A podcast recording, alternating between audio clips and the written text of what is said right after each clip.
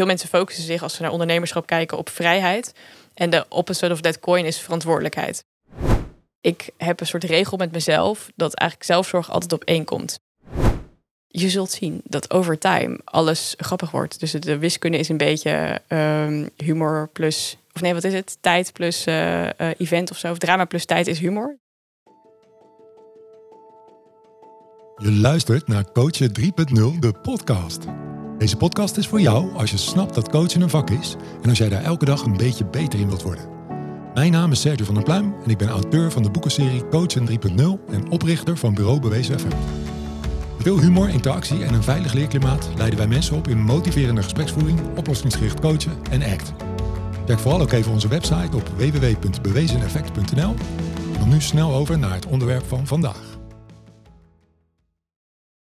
Ik zit hier met Marten Walter. Marten, welkom in de podcast. Dankjewel. Wat leuk eh, om met jou in gesprek te gaan. Um, ik lees even voor de luisteraar voor wat er op je LinkedIn-profiel staat. Jij uh, schrijft over jezelf. Ik doe, ik doe schrijven, spreken en sparren. Dat is wat ik het liefste doe. Uh, je bent afgestudeerd in Human Resource Management. Je bent ZZP'er. Je bent kattenmoeder. Multi-passionate. je schreef twee boeken in 2,5 jaar, waarvan je nieuwste boek heet Wat een baas. Een eerlijk boek over ondernemerschap. Nou, daar gaan we het uiteraard over hebben. Uh, je werkt met klanten als Typhoon, Creative Revolution en Holistic Movement. Je eet managementboeken voor je ontbijt en je kijkt TED Talks voor je diner. En je zegt minstens twee keer per week: een dag niet geleerd is een dag niet geleefd. Het lijkt wel uh, alsof ik hier met een soulmate in gesprek ga. het klinkt allemaal uh, heel herkenbaar, althans. Niet, Typhoon is geen klant van me, maar alle andere dingen zijn heel herkenbaar. We dansen ook nog allebei salsa. Ja. bij mij is dat een tijdje geleden, maar Zoals zij nog steeds mijn hart. Ja, ontzettend leuk om met je in gesprek te gaan. Doet deze introductie jou recht? Zeker, ik heb hem natuurlijk zelf geschreven, dus dat helpt. Um, uh, en ja, ik denk het wel. Ik denk dat je als multipassionate wel ook uh, dus met heel veel verschillende dingen bezig bent. En de ene dag noem ik mezelf vooral een schrijver. En de andere dag denk ik, oh nee, ik ben echt een creative. Als ik dan een tijdje niet aan het schrijven ben. Dus dat wisselt nogal, maar daarom heb ik hem lekker breed, uh, breed opgezet. Dus in de grote lijn klopt hij nog steeds, ja. Ja, dat vind ik meteen al heel leuk. Jij, jij komt er eh, ronduit voor uit dat je een multi-passionate bent. Ja. Terwijl in ondernemersland wordt heel vaak aangeraden... nee, je moet een niche kiezen. Je moet duidelijk maken van welk ene ding je bent. Doe één ding goed. Ja. En jij zegt, nee, ik vind gewoon heel veel dingen leuk.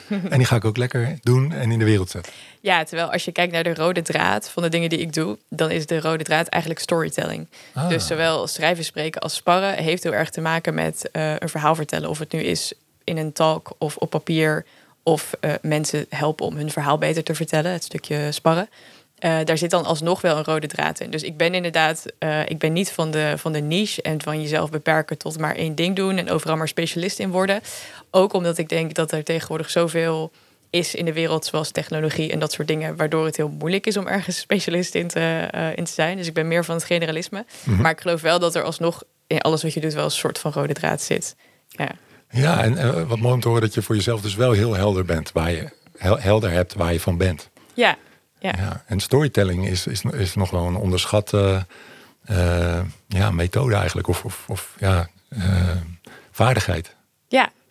Klopt. Hoe komt het dat, dat jij dat zo helder hebt? Je bent 30, ja. voor mij piepjong.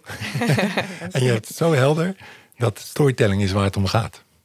Ja, dat uh, uh, ja, is eigenlijk gewoon een rode draad van dingen die ik doe. Dus ik ja. zie het ook echt voor me dat als mensen, als klanten bij mij komen, of überhaupt mensen in het leven die ik tref, ik geloof ook dat je altijd wel een beetje, wat je net zegt, hè, op dezelfde frequentie waar je zit, zeg maar, de mensen ontmoet. Mm -hmm. um, dan, uh, dan lopen ze vaak vast op hun verhaal. En ik kan gewoon heel goed eigenlijk samenvatten. Mm -hmm. En dingen in de metafoor gooien of dingen uit de knoop halen. En ja, dat is, dat is storytelling. Dat je van alle ingrediënten die iemand op tafel gooit, denkt, oh ja, die moeten in deze volgorde staan. En als je er dit van maakt, dan werkt het wel. En um, ja, daar ben ik door ervaring heel goed in geworden. Ja.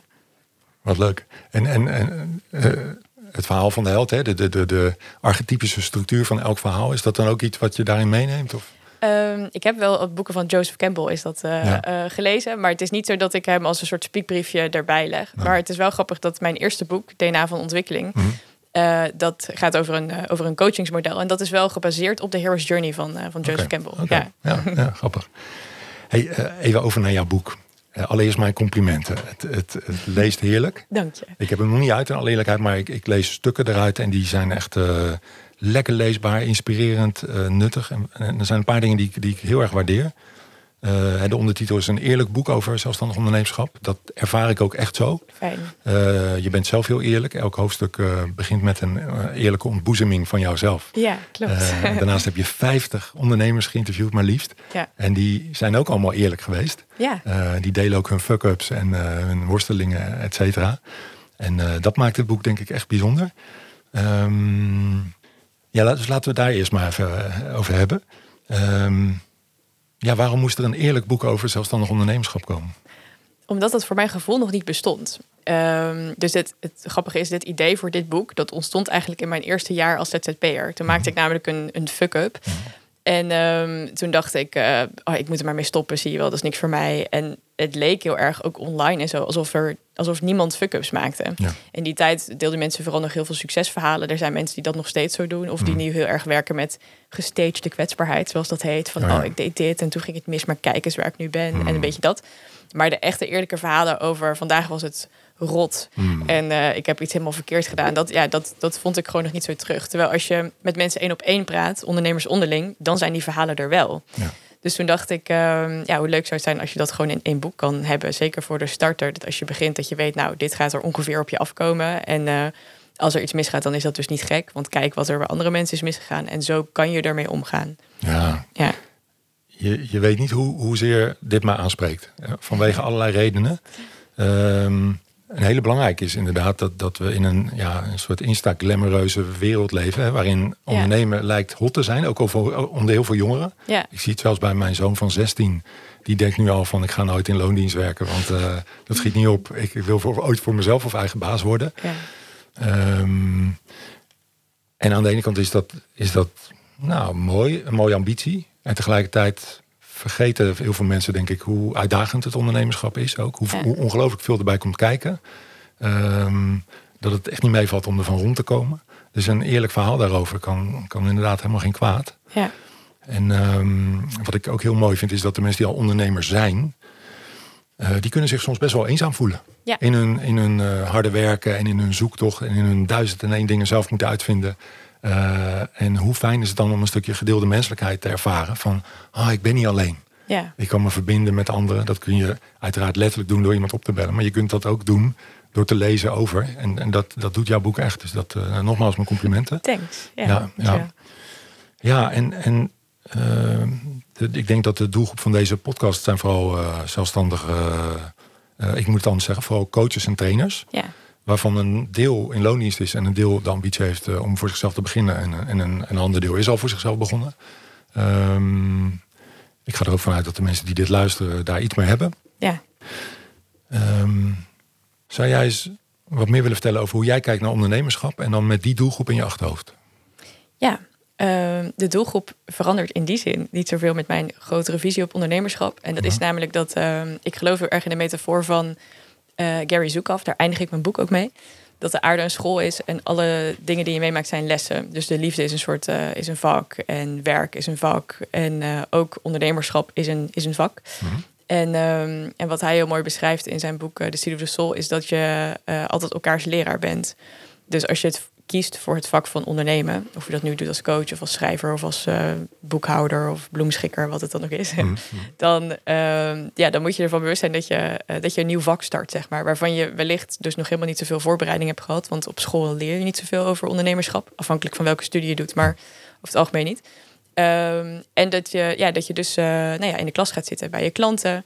Eh, en vice versa. Je klanten leren ook weer van, eh, eh, van jou. En dat is mijn, mijn visie. Is dus dat je, dat je bewust moet zijn van dat je op een soort school zit.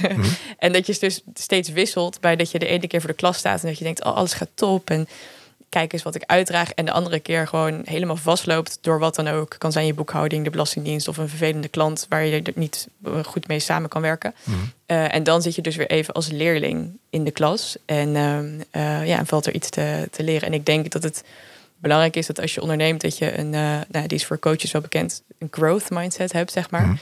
Dus dat je eh, weet van nou, het is, niet, het is niet vast, het is niet fixed. En ehm, gewoon elke keer probeert van hey, waar kan ik me nog ontwikkelen, waar kan ik groeien. En, eh, En daar ook nou ja, de nodige middelen voor inzet. Ja.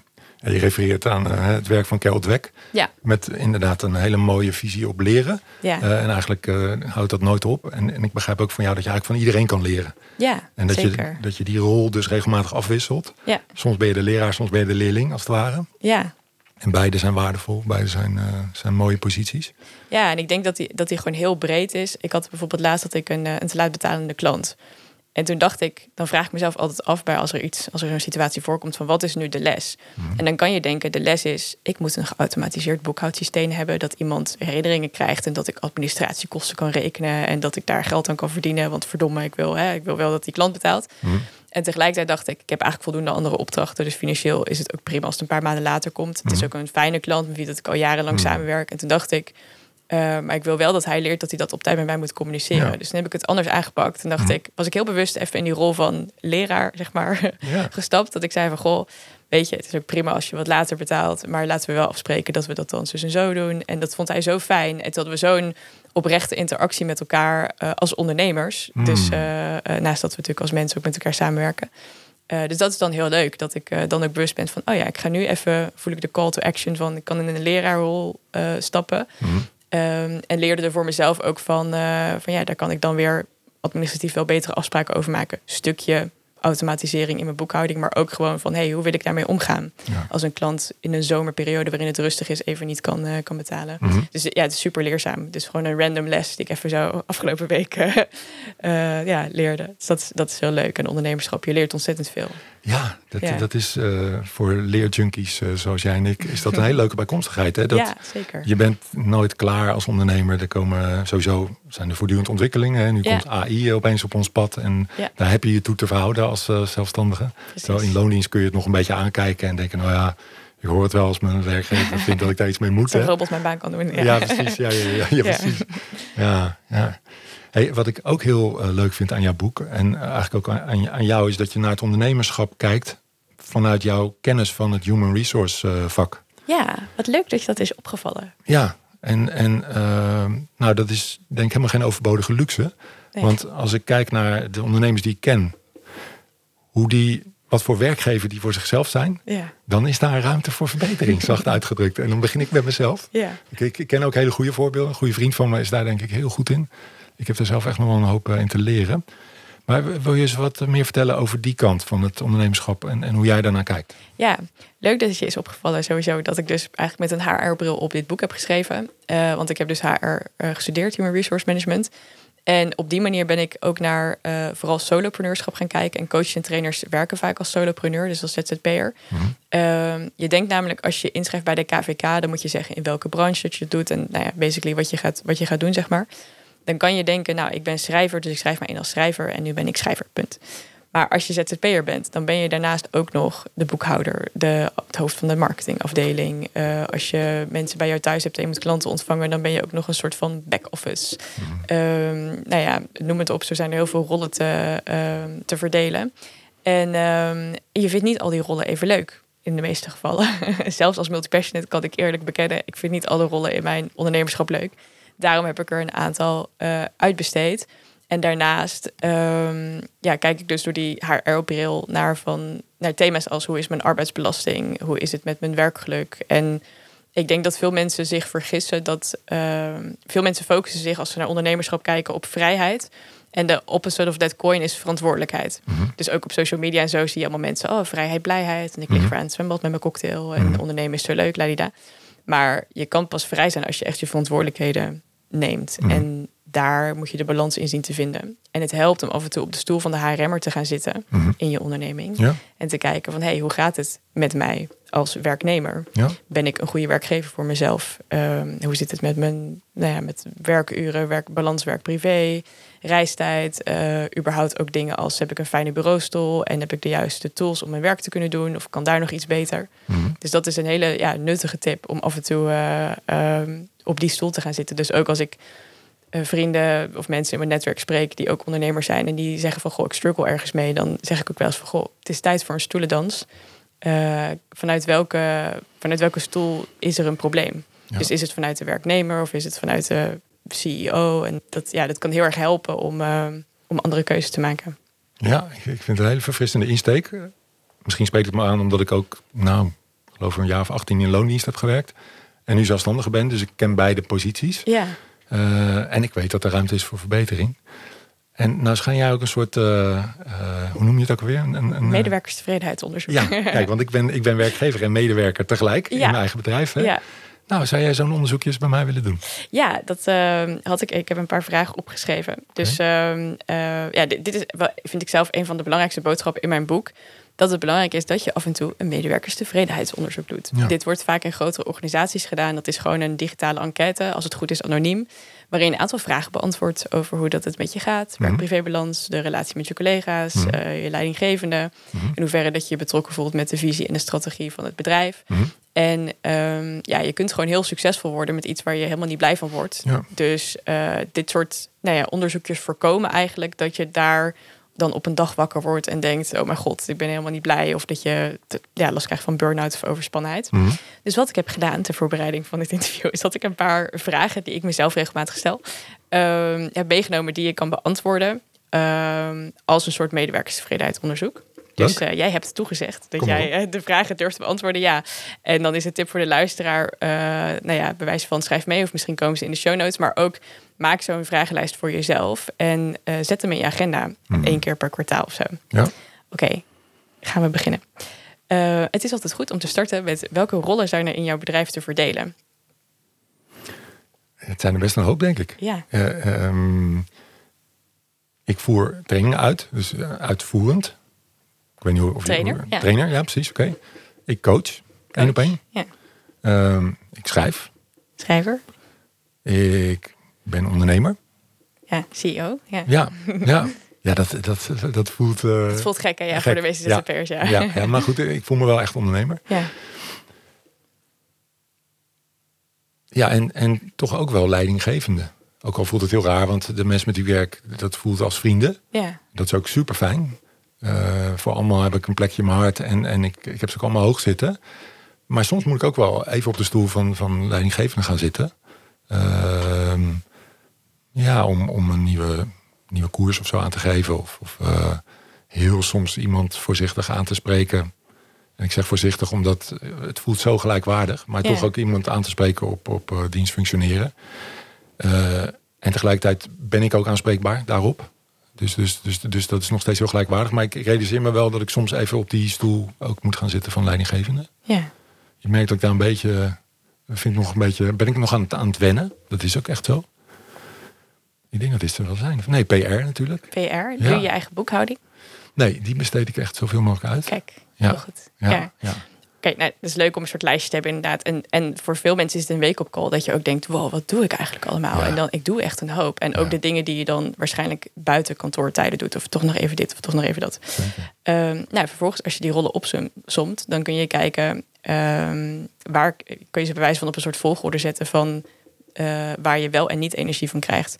Dus waar zit nou de meeste energie voor jou als je dit lijstje opzomt? Trainer, coach, schrijver, leidinggevende, ondernemer. Energie als in, daar, daar, daar heb ik zin in, daar wil ik meer ja, van. dat je altijd als je dan zo je week begint, dat je denkt, oh, dat doe ik eerst. Als het kan, bewijs Ja, van. ja, ja. Ja, schrijven en trainen. Oké, Ja, en, en, en die balans die, eh, die is belangrijk, merk ik. Ik, ik. ik denk dat ik ambivert ben. Ja. Dus, eh, en trainen ervaar ik als heel extravert werk en, en schrijven als in- introvert werk. heel herkenbaar. Ja. en ik heb echt die balans nodig. En die is nu soms een klein beetje scheef. Dat ik net iets te veel voor de groep sta en iets te weinig toekom aan het schrijven. Ja. Dus, eh, maar die, ja, die, dat zijn wel de twee eh dingen die ik Favoriete doe. Ja. En de minst favoriete rol?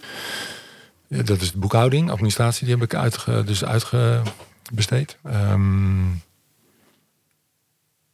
en daarna. Eh, ik- Ja, welke rol is dat eigenlijk? Mail beantwoorden. Ja, Dat, kost nog steeds meer tijd dan ik eigenlijk wil. Ja, Ja. dat back-office. Ja, ja, ja, ja. En Ja. ik heb twee VA's voor de helderheid. Dus ook dat Oh. heb ik voor een groot deel uitbesteed. dat is goed. Ja.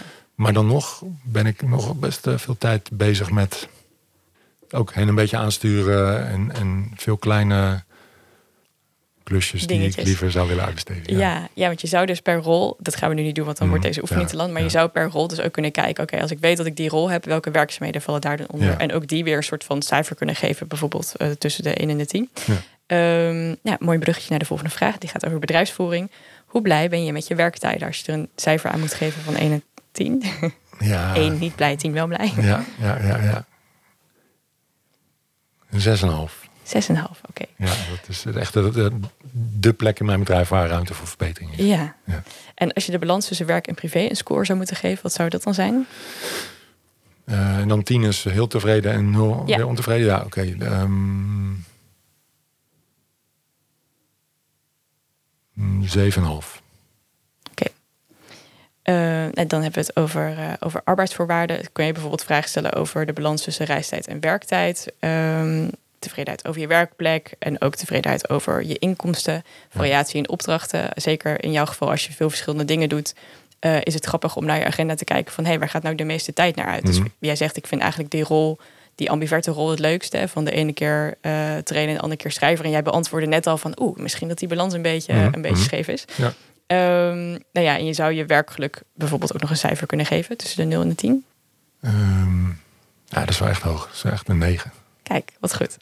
Nou ja, dit is een voorbeeld van een lijst vragen die je kan stellen als een soort van medewerkerstevredenheidsonderzoek. En als je heel blauw bent, volgens de kleuren mhm. van, uh, van Covey en dergelijke, of uh, Covey van uh, Jung, mhm. dan, uh, dan zou je er ook nog een heel wetenschappelijk dingetje van kunnen maken met alleen maar 10 punt schalen en, en cijfers. Uh, en als je dat dan nou ja, per categorie een beetje organiseert, dus inderdaad bijvoorbeeld uh, uh, werk-privé-balans en ook arbeidsvoorwaarden en zo, dan kan je eigenlijk heel makkelijk zien waar er ruimte voor verbetering is. En überhaupt, inderdaad, dit gesprek, nu voer je het met mij, maar dat kan je ook met jezelf, mm roept bij jou meteen op dat je zegt, oh ja, daar, daar is misschien verbetering en hier kan nog iets, kan nog iets anders. Zeker. En dat, ehm, ik doe het altijd aan het begin van elk kwartaal. Mhm. En dat is dan meteen een soort van basis van, oké, waar gaat dan, dan ga ik daarna op de stoel van de CEO zitten, zeg mhm. maar. Mm -hmm. Van, hey, hoe, hoe kan ik deze informatie meteen implementeren? Dus niet dat je alleen maar denkt, zo, check, ik heb even dat lijstje ingevuld mhm. en er zijn cijfers uitgekomen en nu leg ik het in het laadje en volgend kwartaal dan zie ik het weer. Maar dat je meteen met jezelf soort van afspraken maakt van oké, en dit ga ik eraan doen. Ja. Um, en, dat, en dat kan van, alles, uh, kan van alles zijn. Het kan gaan van het uitbesteden tot de rollen die je niet leuk vindt of taken die je niet leuk vindt. Tot aan jezelf iets strenger houden aan werktijden. Mm -hmm. nou ja, noem het maar op. Ja. Dus dat is een hele nuttige, nuttige tool om te gebruiken. Zeker. Nou, ik ervaar het als, uh, als heel verhelderend. Het is niet nieuw. Ik weet dat ik te veel uren maak. Ja. Maar het, het, het wijst me wel even weer op de feiten, zeg maar. Uh, en, en ik moet ook eerlijk zeggen, we zitten nu in de zomer. en ik ik zit midden in het denkproces hierover. Want dit is echt de tijd dat er geen trainingen zijn. Ja. Dus dat ik echt even afstand heb uh, tot mijn bedrijf. En hier denk ik elke dag over na op dit moment. en ik voel wel dat er weer kleine veranderingen nodig zijn. En die zitten op dit vlak. Ja, ja mooi. Ja, ja. Ja. Ik heb, uh, in een ander hoofdstuk um, schrijf ik iets, ik weet mijn god niet meer welk hoofdstuk. Het is intussen lang geleden dat ik het geschreven heb, maar iets over het maken van uh, verlanglijstjes en bandlijstjes. Hmm. Dus dingen die je leuk vindt om te doen en hmm. die je zou willen doen. Hmm. Uh, en dingen waarvan je afgelopen kwartaal dan dus geleerd hebt van zo, dat is echt niet mijn ding en dat werkt niet voor me. Dus ook dat soort nou ja, tips en tricks vind je nog in het boek om het eigenlijk allemaal makkelijker, leuker voor jezelf te maken. En vooral, nou ja, onderweg te zijn naar een bedrijfsvoering die voor je werkt. Waarvan mijn gedachte dus ook is dat die niet vaststaat. Dat die ook weer steeds verandert. Want ja, je verandert als mens ook de hele tijd. Zeker. En ik kan beamen dat, dat die lijstjes van jou werken. Want jij zit hier dankzij jouw verlanglijstje. Ja, dat klopt. Dat is echt waar. Want ik heb ergens gelezen dat jij graag te gast bent in podcast. In podcast, dat klopt. Ja. En ik had, ik had je boek al. Ik was hem aan het lezen. Ik was, ik was uh, blij verrast daarmee. En ik zag dat staan. Ik dacht, ja, 1 en 1 is 3. Ik ga je meteen even eh, eventjes contacten via de LinkedIn. Nee. En uh, nu ben je hier. En, uh, en dat, dat wijst mij op een wat groter patroon. Ik, ik heb de indruk dat jij enorm bewust bezig bent met het ondernemerschap. Dat je gewoon heel goed nadenkt over heel veel dingen. En, en daarmee het ook leuk houdt voor jezelf. Ja, die verlanglijstjes, dat is, uh, dat is iets wat ik echt uh, al heel lang doe. Ik heb het geluk gehad dat ik ooit uh, vroeg in mijn loopbaan, toen ik nog in Lonies was, had ik een, een loopbaancoach. Teus heet hij.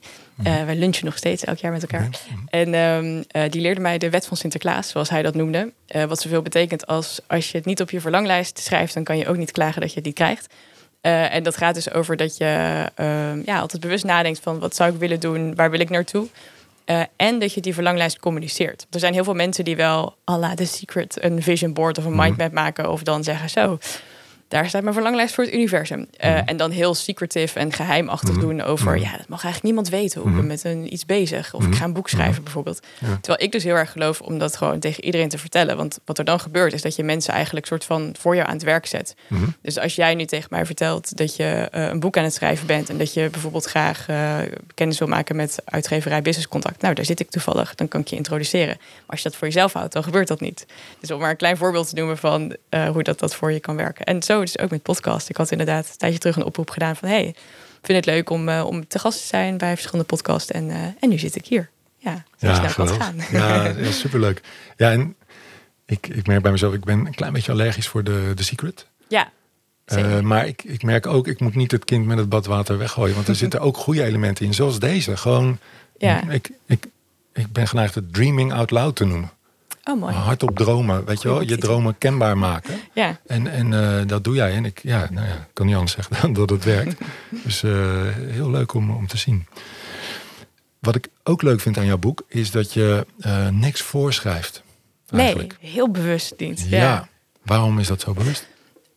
Omdat ik niet geloof dat ik in een positie ben dat ik mensen zomaar kan vertellen wat ze moeten doen. Ik geloof ook niet in one size fits all, wat je heel veel ziet bij vooral ook business coaches en zo. Zeker. Ehm, en ik geloof heel erg dat ondernemen gaat over wat voor jou goed werkt. Dus een, mijn eerste fuck-up was dat ik een advies opvolgde van iemand die, ehm, nou ja, die iets deed wat voor haar heel goed werkt, namelijk tijd schrijven voor het maken van een offerte. Mhm. En ik dacht toen van ja, zij onderneemt al veel langer, dus die zal het wel weten. En het Mhm. voelde eigenlijk niet lekker, maar ik Mhm. dacht ja, dit is de methode, dit is de manier. En dat werkte toen ook helemaal niet voor mij. En ik geloof dus ook dat je eh, je eigen weg moet vinden. Laten we dit even voor mensen die niet elke dag eh offertes schrijven Oh ja. eh, helder maken. Want wat je dus, de, je kreeg de tip van als jij een offerte maakt, dan zet je daar ook eventjes bij. Nou, het maken van deze offerte kostte 100 euro bij wijze van spreken. van. ja, Ja. ja. En, en wat gebeurde er toen? Eh, toen kreeg ik een reactie. was een klant die wilde een vervolgopdracht. Mijn allereerste klant. En toen kreeg ik meteen een vervolgopdracht.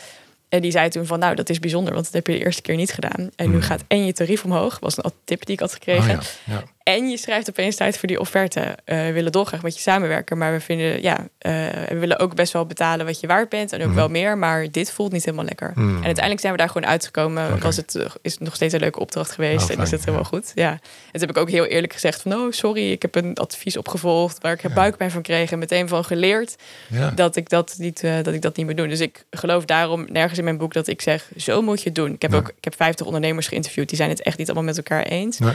En ik geloof heel erg in, dit zijn de verschillende smaken en kies er één die voor jou past. En het zou ook zomaar kunnen dat het een smaak is die niet eens in mijn boek beschreven staat. Mhm. En ehm, dat is de belangrijkste boodschap, denk ik, van mijn boek, is dat je zelf de baas bent. En Mhm. dat je dus het zelf mag weten hoe dat je het, ehm, hoe dat je het insteekt. En ook van mening mag veranderen. Het voorbeeld wat ik net noemde van dat ik iemand eh, een soort van gratis uitstel tot betaling heb gegeven. Daar sta ik nu achter. Maar misschien als ik volgend jaar daar de- nog een keer zo'n situatie mee maak Ja. dat ik denk, nee, ga ik gewoon administratiekosten voor Ja, knows? ja, Ja. ja, precies.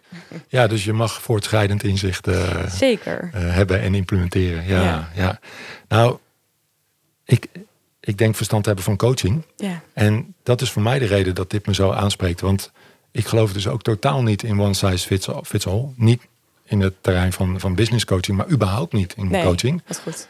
Maar dat gebeurt veel te veel. Heel veel. Ja. Afgrijzelijk. Ja, ja. ja. En, en dat is jammer. En Wat ik een beetje signaleer is, er, er zijn, eh, coachen is, is een aantrekkelijk vak geworden. Ja. Het is hip op, volgens mij om op een feestje te zeggen, wat doe jij? Nou, ik coach. Oh, wat interessant. Ja. Eh, dat is een aspect. Ik heb de indruk dat, eh, dat er een jonge generatie is die dat ambieert en dan liefst vanuit een hangmat op Bali bij wijze van. Ja. ja.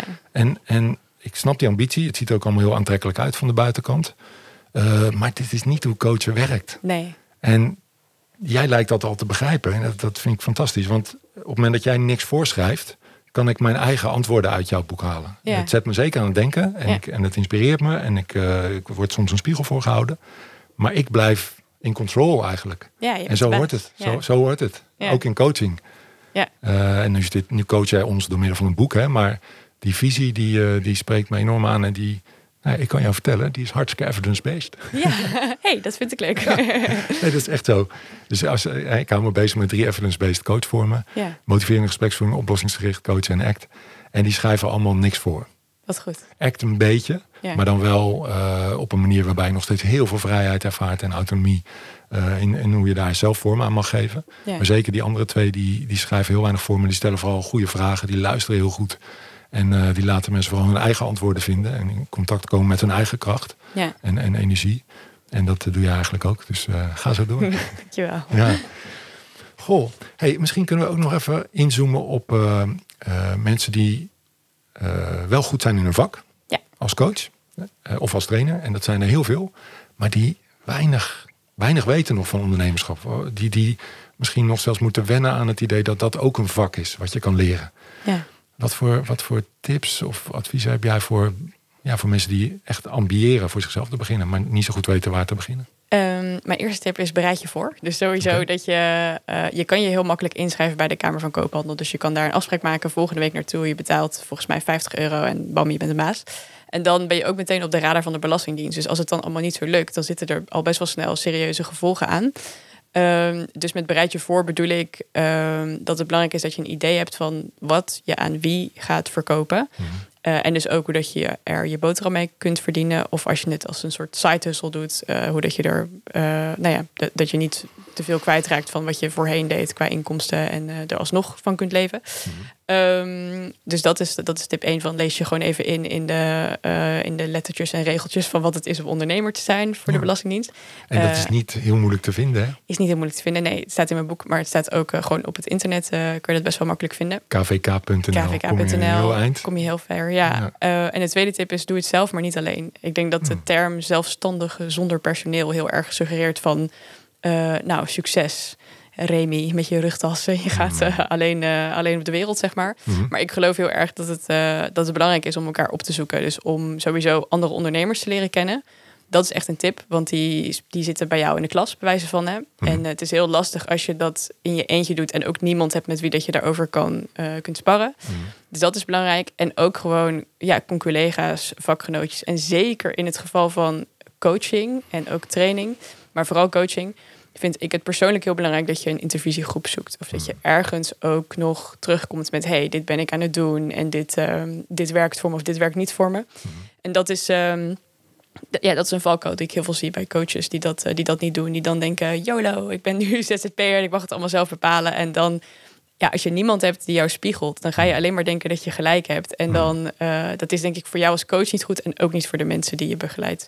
Dus ik vind, ik, ja, ik vind intervisie wel heel belangrijk. Ja, ja. En, en dus intervisie op je ondernemerschap en niet zozeer op je coaching, je inhoudelijke coaching skills. Ja, ja eigenlijk alle twee wel. ja, snap dus, ik. Maar eh, dat zijn zelfde, dezelfde groepen. ja, ja. Je Ja. moet daar andere mensen voor opzoeken, denk Dus, ik. ja, andere mensen inderdaad. Ja, Ja, ja, ja. precies. Dus intervisie voor je coaching skills, dat is dan met andere coaches of Mhm. bijvoorbeeld met een eigen coach. En eh, ondernemerschap is met ondernemers onderling. En dit zie je ook wel veel gebeuren hoor. Dat er, ik denk van de 50 mensen die ik heb geïnterviewd, dat er echt 30 of zo tussen neus en lippen door hebben gezegd: Oh, ik zit bij een eetclub of bij een Mhm. mastermind of bij een groep ondernemers die regelmatig samenkomt. Dan wel niet met een betaalconstructie, maar om met elkaar te, te sparren over het, over het vak. Ja. Dat is wel En, belangrijk. en heb, je, heb je tips, hoe, hoe kun je anderen vinden? Want voor je het weet, eh, zie je op internet een eh, hele interessant uitziende business coach die wel de hoofdprijs vraagt voor zijn of haar mastermind. en hoe kun je dat ook een beetje betaalbaar houden? Ehm, Of zelfs gratis? Ja, dat is wel leuk. Dat is een tip van Roderick Engering. Dat is de COO van de Kamer van Koophandel. Die interviewde ik ook voor dit boek. Mhm. En die zei ook van ja, eh, je moet niet de illusie hebben dat alles meteen geld moet kosten als Mhm. ondernemer. Dus als je gewoon heel eerlijk bent van nou, ik ben een starter en ik heb daar nu nog geen budget voor. Dan zijn er ook mensen die je, eh, die je willen helpen. En wat je veel ziet is dat er zowel Facebook als LinkedIn groepen zijn van startende ondernemers. En Mhm. Daar, eh, ja, daar, daar vind je dan wel een weg in, denk ik. En ook Mhm. op Instagram en zo. Ja. Je moet inderdaad wel je vinger opsteken. Ze Ja. komen niet zomaar op je af. Nee.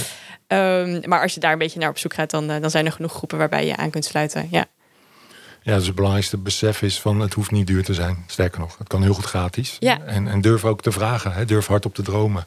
ja of betaal wel een keer, soms is dat maar 15 euro of zo'n netwerkborrel. Ja, en ga dan daar heel actief wel. Mijn naam is bla bla en ik wil graag eh, sparren. Ja, Dat, eh, dat helpt ook. Ja. uiteraard. Ja, 15 euro is bijna gratis. Hè?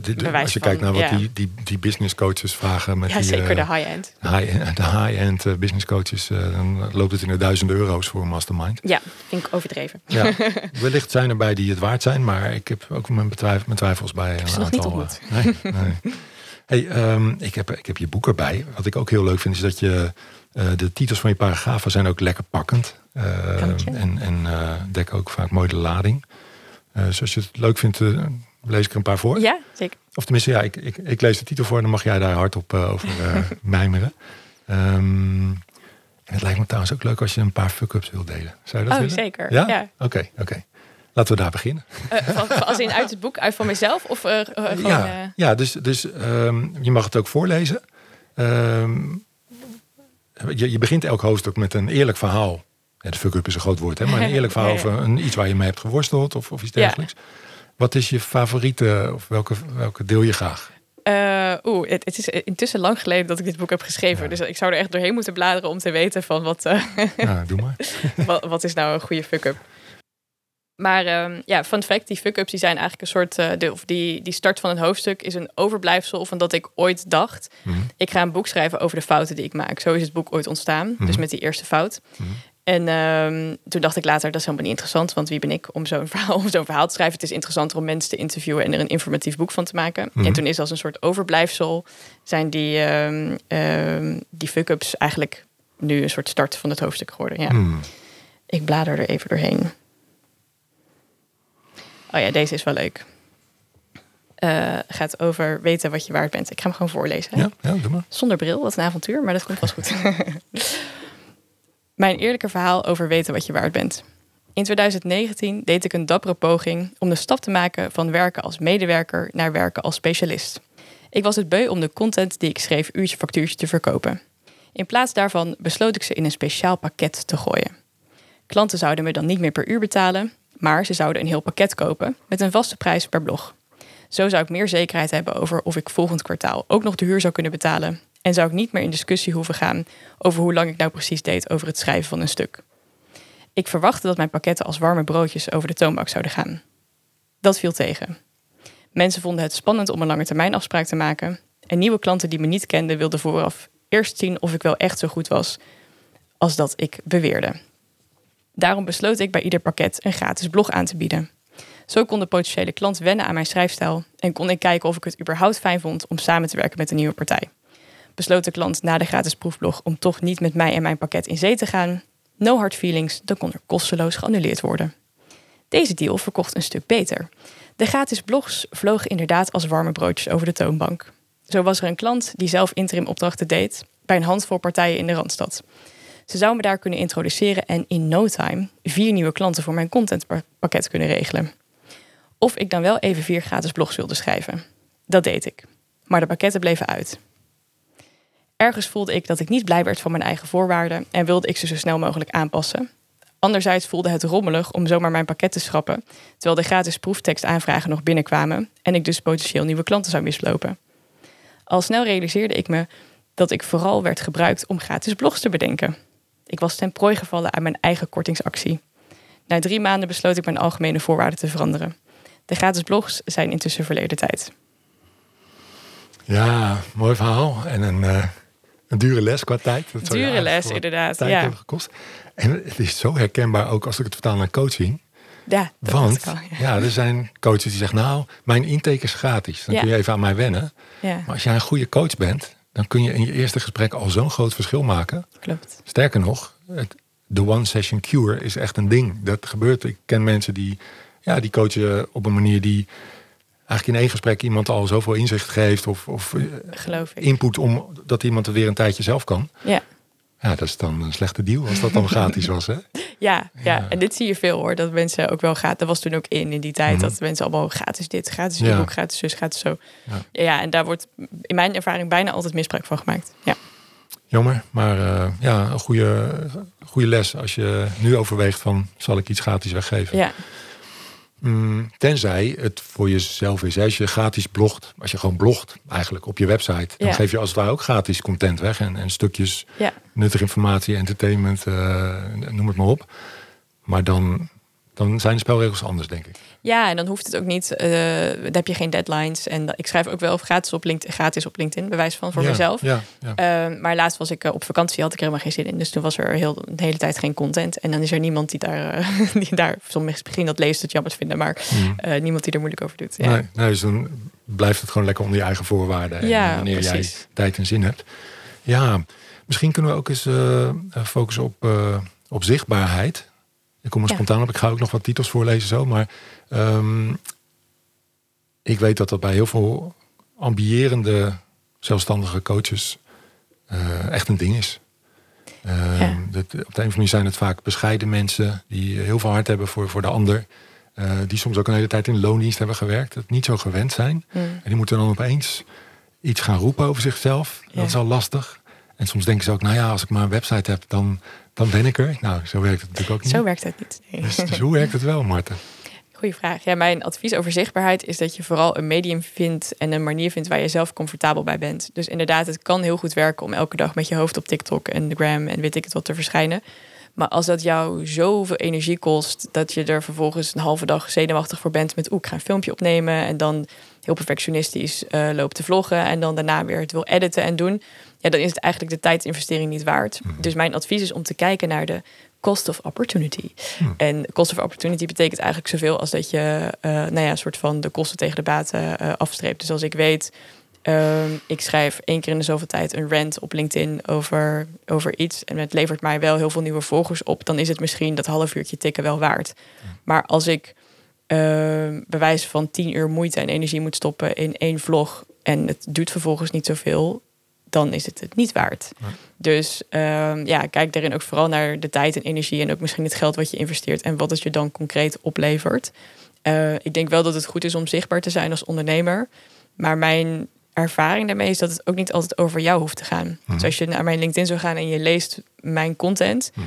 durf ik te wedden dat uh, de helft ervan niet over mij gaat, Mhm. maar over iets wat ik zie in het nieuws Mhm. of over iets wat ik zie bij een ander. En dan Ja. schrijf ik wel mijn mening, Mhm. maar ik uh, ga ook niet heel vaak met mijn hoofd in beeld en uh, Mhm. dat, dat, soort, dat Mhm. soort dingen. En ik denk ook zeker als coach en trainer. Um, sta je wel voor een groep of je bent met iemand, maar Mhm. als het goed is, gaat het niet over jou. Zeker. Dus uh, Ja, dus dan moet je dat als marketeer eigenlijk ook niet doen. is mijn advies. Ja, en het grappige is dat je dit, dit is echt de opposite van wat de meeste high-end business coaches Mhm. doen. Die praten echt de hele dag alleen maar over zichzelf. Ja.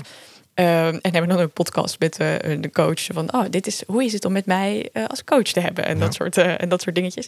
Maar dat, dat hoeft niet. Ik denk dat het veel nuttiger is om bijvoorbeeld in jouw geval te praten over die methodes waar, waar je mee bezig bent Mhm. en Um, en om daar de nieuwste ins en outs over te delen, of ervaringen of anekdotes en zo. Mhm. En niet per se over jou. Ja. En ik denk, wat een metafoor is die voor mij altijd goed helpt, is die van het etalage en het magazijn. Mhm. Um, dus een etalage is net als in een winkel. De etalage waar je langs loopt, daar kan je dingen neerleggen. En je magazijn is alles wat er, wat er is, zeg maar. En Mhm. afhankelijk van wat je intentie is van dat kwartaal of die maand of het ding wat je wil verkopen, kan je steeds kijken van hé, hey, hoe ga ik die etalage inrichten? Mhm. En mijn etalage op LinkedIn is bijvoorbeeld heel anders dan die op Instagram. Op Hmm. LinkedIn staat er wel dat ik kattenmoeder ben, maar ik ga er niet foto's van mijn kat delen. Terwijl op Instagram is meer een soort van een kijkje in de writer's cave van wat doe ik in mijn privéleven. Terwijl ik op LinkedIn het echt wel wat zakelijker houd. Mhm. Uh, en dat zijn ook echt de enige twee media waar ik, uh, waar ik een beetje zichtbaar ben. Mhm, En TikTok mhm. en zo, daar voel ik me te oud voor. Dus dat, uh, dat heb ik allemaal niet. Um, maar ja, belangrijkste tip over zichtbaarheid. Kies iets waar je comfortabel bij bent. En dat, dat je het ook leuk vindt om ermee bezig te zijn. Ja. En zo niet, besteed het uit. Ook Ja. nog een optie. Ja. Ik ken ook heel veel ondernemers die content uitbesteden. Oké. En, en hoe, hoe zorg je dan toch dat jouw geluid of jouw stem. Als je een goede ghostwriter hebt, Ja? dan, uh, dan kunnen die dat. Ja. En misschien moet je soms af en toe wel nog zelf een filmpje opnemen Mhm, of zo. mhm. Dat, uh, Ja, ja. ja, je zal er nooit helemaal los van zijn, denk ik. Of ik zou dat niet willen. Ik zou altijd betrokken willen zijn met dit Mhm. is het verhaal wat ik wil vertellen. Ja. Ja. Ja, ik kan me helemaal vinden in je, in je verhaal, in je, in je advies. Ehm, met één kanttekening is dat, dat stel je wil gaan, gaan vloggen. Ja, Volgens mij ontkomt niemand eraan dat die eerste vlog. weet je wel, daar doe je ook een dag over. Want het is super spannend. En Ja. jij moet perfect zijn. Je tweede vlog is al iets makkelijker. En je honderdste vlog denk je nou...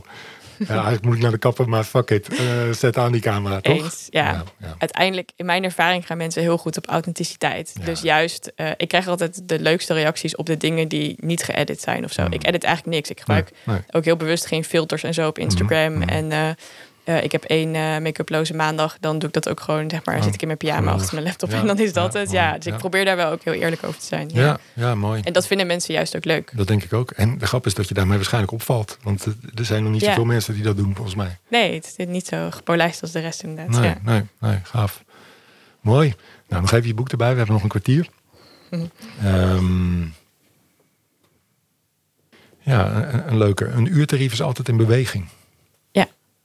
Vertel. Dit is al grappig. Dat, eh, ik gebruik hier het woord uurtarief. Terwijl intussen geloof ik niet zozeer weer een uurtje factuurtje. En gebruik ik vooral tarief of dagdeeltarief. Mhm. Ehm, maar ehm, ja, je bent als ondernemer groei je persoonlijk en professioneel. Dus je groeit van de opdrachten die je doet. Maar Mhm. ook, hè, je zei in mijn introductie, ik eet managementboeken voor ontbijt en Mhm. TED Talks als diner. Dus ik leer gewoon heel graag en heel Mhm. veel. Dus het is ook logisch dat als mijn, dat wat ik, wat, wat ik breng, zeg maar, als dat meer waard wordt, dat daar ook een ander prijskaartje aan zit. Ja. Dus het is, veel mensen vinden het lastig om tarieven te bepalen. Mhm. Eh, en het is grappig dat je dat dan ook altijd nog moet blijven, moet blijven doen in mijn ervaring. Want je Mhm. zal zien dat als je ooit tien jaar geleden een tarief hebt bepaald en daar vandaag nog steeds voor werkt, dat je denkt, oh, dat klopt eigenlijk niet meer. Mhm. Naast dat alles, alles, alles is in beweging. Ja, ja. ja, dus een tarief ook, denk ik. Ja. En dan hebben we het nog niet eens over inflatie gehad. Hè? Dus Precies, ja. Dus dit is ook iets waarvan ik het ehm, eh, echt één keer per kwartaal ook weer in mijn agenda zet. En dat ik me afvraag van, hey, klopt die balans ingeven en nemen nog? Waarvan ik niet zeg dat je nooit korting mag geven. Ik heb vaste klanten die elke keer terugkomen. eh met wie dat ik gewoon heel fijn samenwerk. Waarvan het grotere opdrachten zijn die mij nog voor een wat goedkoper tarief mogen, mogen inhuren, zeg maar. Mhm. Mhm. Ehm, maar het is wel goed om, ehm, om hen ook op de hoogte te brengen van de korting die ze dan krijgen. Ja. Het is niet dat ze denken dat dat het tarief is waar ze over onderhandelen. Oh ja. Oh, mooi. Dus ja, ja. Dus dan laat je toch even weten, nou, mijn eigenlijke tarief is tegenwoordig zus en zus. Maar goed, Ja. we hebben een relatie. En, en, eh, Korting moet je al, is mijn tip, korting altijd op de factuur zetten. Dat, zodat mensen Ja. wel wakker blijven op dat ze die korting krijgen. En niet, het- niet het word of mouth wordt van, oh, zij doet voor dit tarief. En Mm. dat je daar dan op die manier bekend om gaat staan. Ja, ja. Mooi. Ja, dus korting is niet per se eh, fout of verboden. Hè? Jos Burgers die heeft een boekje geschreven dat heet Geef nooit korting. Hoe kijk jij daarnaar? Nee, ik denk dat je af en toe best wel korting mag geven. Mhm. Ja. Mits?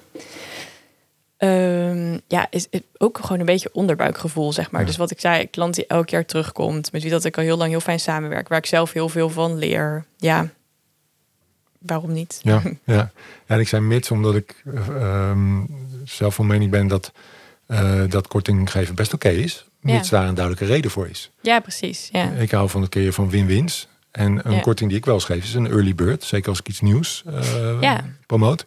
Ja, wat de win voor, de, voor mij is dat ik heel ver van tevoren al weet van... Hey, die groep die is, die gaat wel vollopen. ja, Ik heb met een zaal te maken, met andere trainers. precies. En, ja. en de ander die commenteert zich in een vroegtijdig stadium. Maar daar mag best iets tegenover staan. ja. Dus, eh, dus dan vind ik hem helemaal legitiem.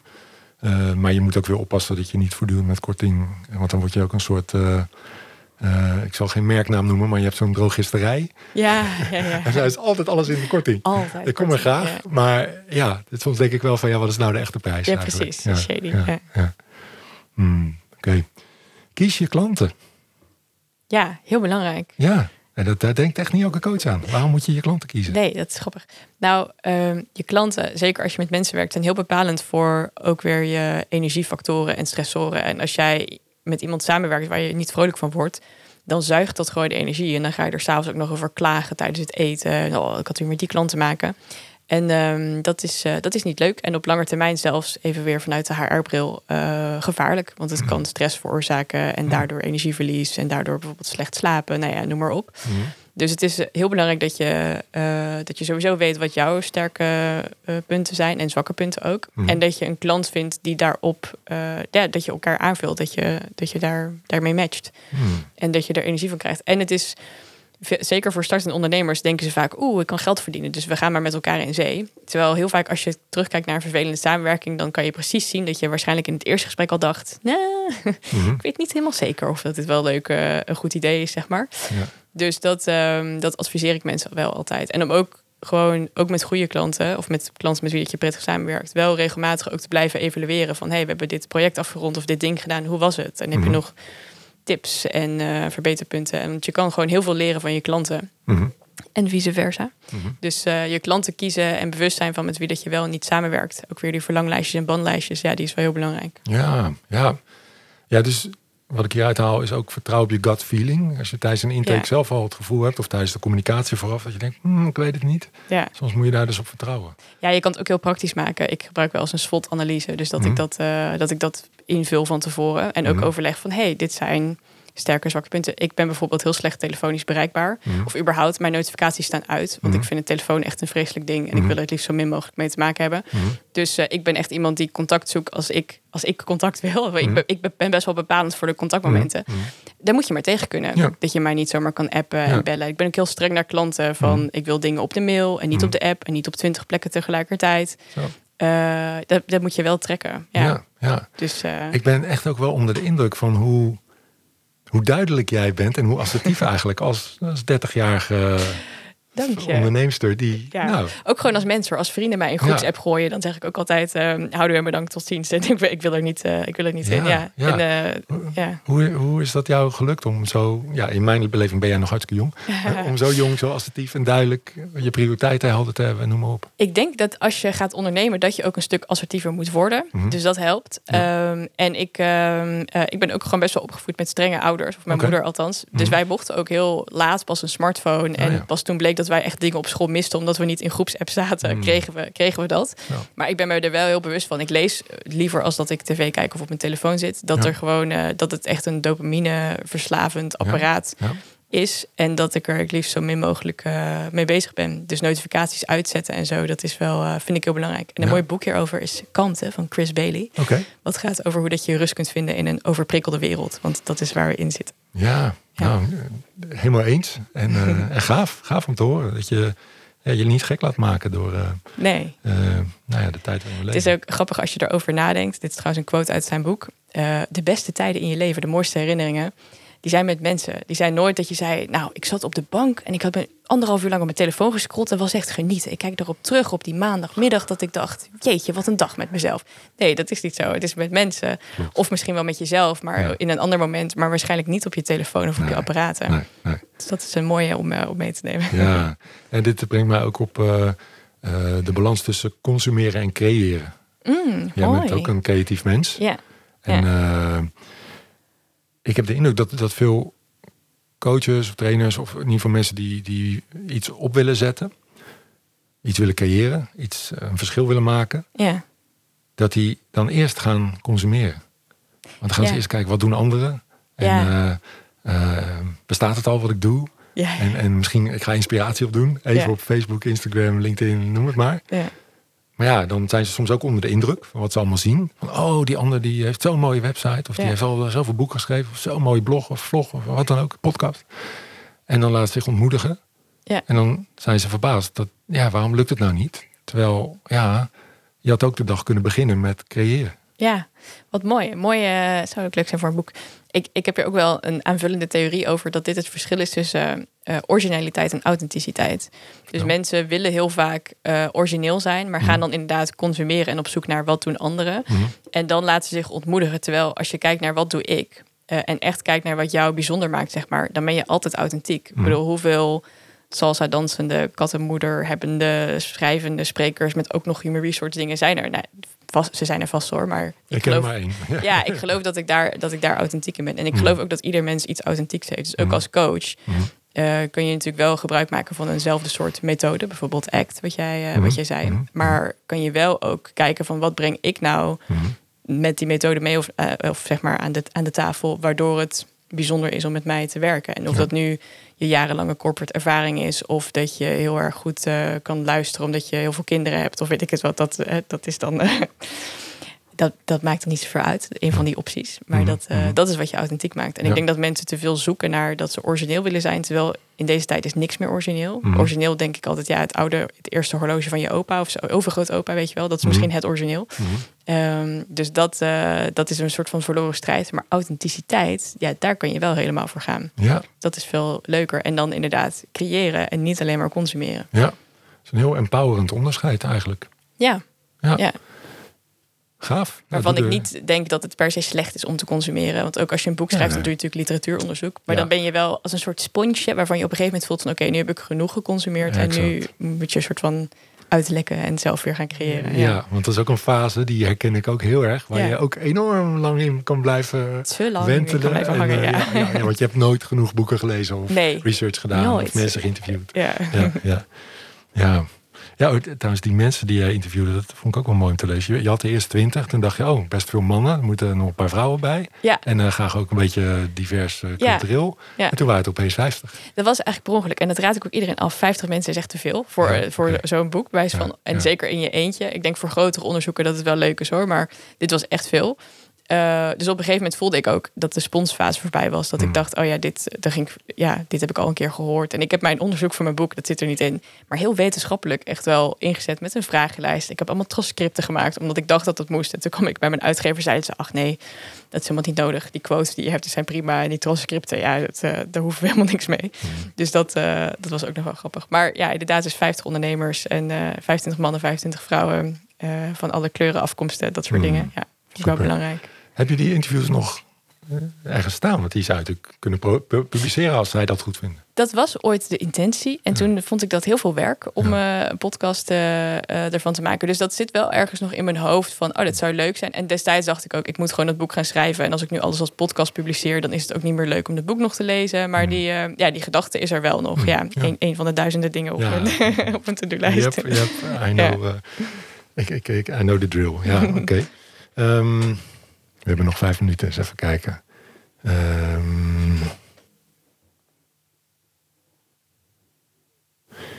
ja, er zijn nog twee mooie thema's waar we even op in kunnen gaan, eh, denk ik. Ehm, jij vindt zelfzorg ook belangrijk. Nou, dat deel ik ook met je. Ja. En dan schrijf je dat je zelfzorg ook kunt automatiseren. Hoe werkt dat? dan? Ja, nou, het is eigenlijk heel simpel. Eh, ik heb gewoon één keer per maand in mijn agenda staan dat ik naar de sauna ga. ja. En als, ik, als blijkt dat ik die afspraak blijf verzetten omdat ik druk ben, Mhm. dan is er dus iets niet goed aan het gaan in mijn bedrijfsvoering. Oeh, oeh. Dus ik heb een soort regel met mezelf dat eigenlijk zelfzorg altijd op één komt. Hmm. Dus ik mag wel voor mezelf een klant verzetten. Ik heb deze Mhm. podcast ook een keer verzet trouwens. Ja, dat was de klopt. auto, Ja. stuk volgens mij toen. Ja. Ehm, dus dat, dat doe ik eigenlijk sneller Mhm. dan zelfzorg. En, eh, en dat is wel een les die ik aldoende heb geleerd. Want wat je Mhm. ziet, wat veel mensen doen, is dat ze zelfzorg verzetten. Dus dan zijn ze druk en dan denken ze, oh, kan eigenlijk dan nog wel werken of moet nog een afspraak tussendoor. Nou, dan ga ik maar niet naar de sauna. Sauna is voor mij een ontspanningsding, dus die gebruik ik even als voorbeeld. Ja, ja. Of dan ga ik maar niet naar de voetbalclub. Of dan ga ik maar niet dat ding doen wat Mhm. ik eigenlijk in mijn privé-tijd doe om op te laden. Mhm. En ehm, ja, dat is hoe dat je overspannen, burn-out en dat soort, eh, dat soort dingen krijgt. Thijs Launsbach heb ik ook geïnterviewd voor dit boek. Die zegt heel mooi van burn-out is het eindstation van stress Mhm. en langdurige stress. Dus ik neem stress gewoon echt heel serieus. Ja. Ehm, wat grappig is, want ik vertelde jou dat ik na deze, na deze podcast eh, naar een salsafeest zou gaan in Amsterdam. En jij zei er straks, oh, ga je nog lekker dansen straks? En toen heb ik geantwoord, zeg, nou, ik weet het eigenlijk niet. Ik had best wel een drukke week. En ik ga straks even naar mijn lichaam luisteren en kijken of dat ik daar nog zin in heb. Mhm. Dus ik ehm, automatiseer mijn zelfzorg in die zin dat sommige dingen vast in de agenda staan, zoals naar de sauna gaan. En tegelijkertijd eh, is luisteren naar je lichaam altijd zeg maar stap één. Dus ehm, ja, dat, eh, dat vind ik heel belangrijk. En ik adviseer ondernemers dat ook, eh, om dat ook te doen. En hun manieren van zelfzorg te vinden. Dus echt een lijstje te hebben van wat zijn nou dingen waar je energie van krijgt. Of hoe dat je kan ontladen of weer een beetje met jezelf kan opladen. Me-time is ook heel belangrijk. Ja. Ja. Deze mag ik eh ter harte nemen. ik. nou, ik doe het al wel een beetje, maar ik kan het zeker meer doen. Sowieso met jezelf afspraken maken in je agenda is echt heel goed. Dat Ja. klinkt, ik vond het heel gek om dat in het begin te doen. Mhm. Maar dat is echt fijn. Ja. Dus ik heb gewoon me-time in blokken in mijn agenda staan. Dus zelfs als mijn vriend ooit zegt... oh, zullen we daten, night of weet ik het wat... en ik heb me-time, dan heb ik, heb ik me-time en dan gaat dat voor. Zo, Ja, ja, ik vind het stoer. ja, het is, zover ben ik nog niet. Ik, ik, ik merk wel dat zeg maar, afspraken met anderen, met vrienden, met mijn kinderen, met mijn vrouw... ja. eh, daar laat ik niet zo heel snel iets tussen komen. Trouwens, klopt dat? Ik hoop dat het klopt. nou, ik denk aan... Ik, ik, een mooi voorbeeld was dat ik... eh, ik was een keer een periode heel druk. En toen eh, had ik afgesproken met mijn zoon om een weekendje te gaan survivalen. Oh, Dus dat leuk. stond echt gepland Ja. met, met een instructeur die ons eh, mee de bos innam.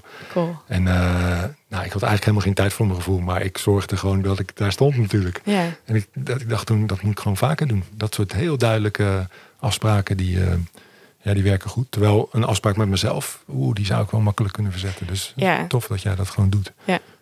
Vind, ik ins- inspirerend. Hey, eh, eh, eh, de laatste dan. De fun van een fuck-up. Dus, dus fuck-ups, kunnen ook leuk zijn.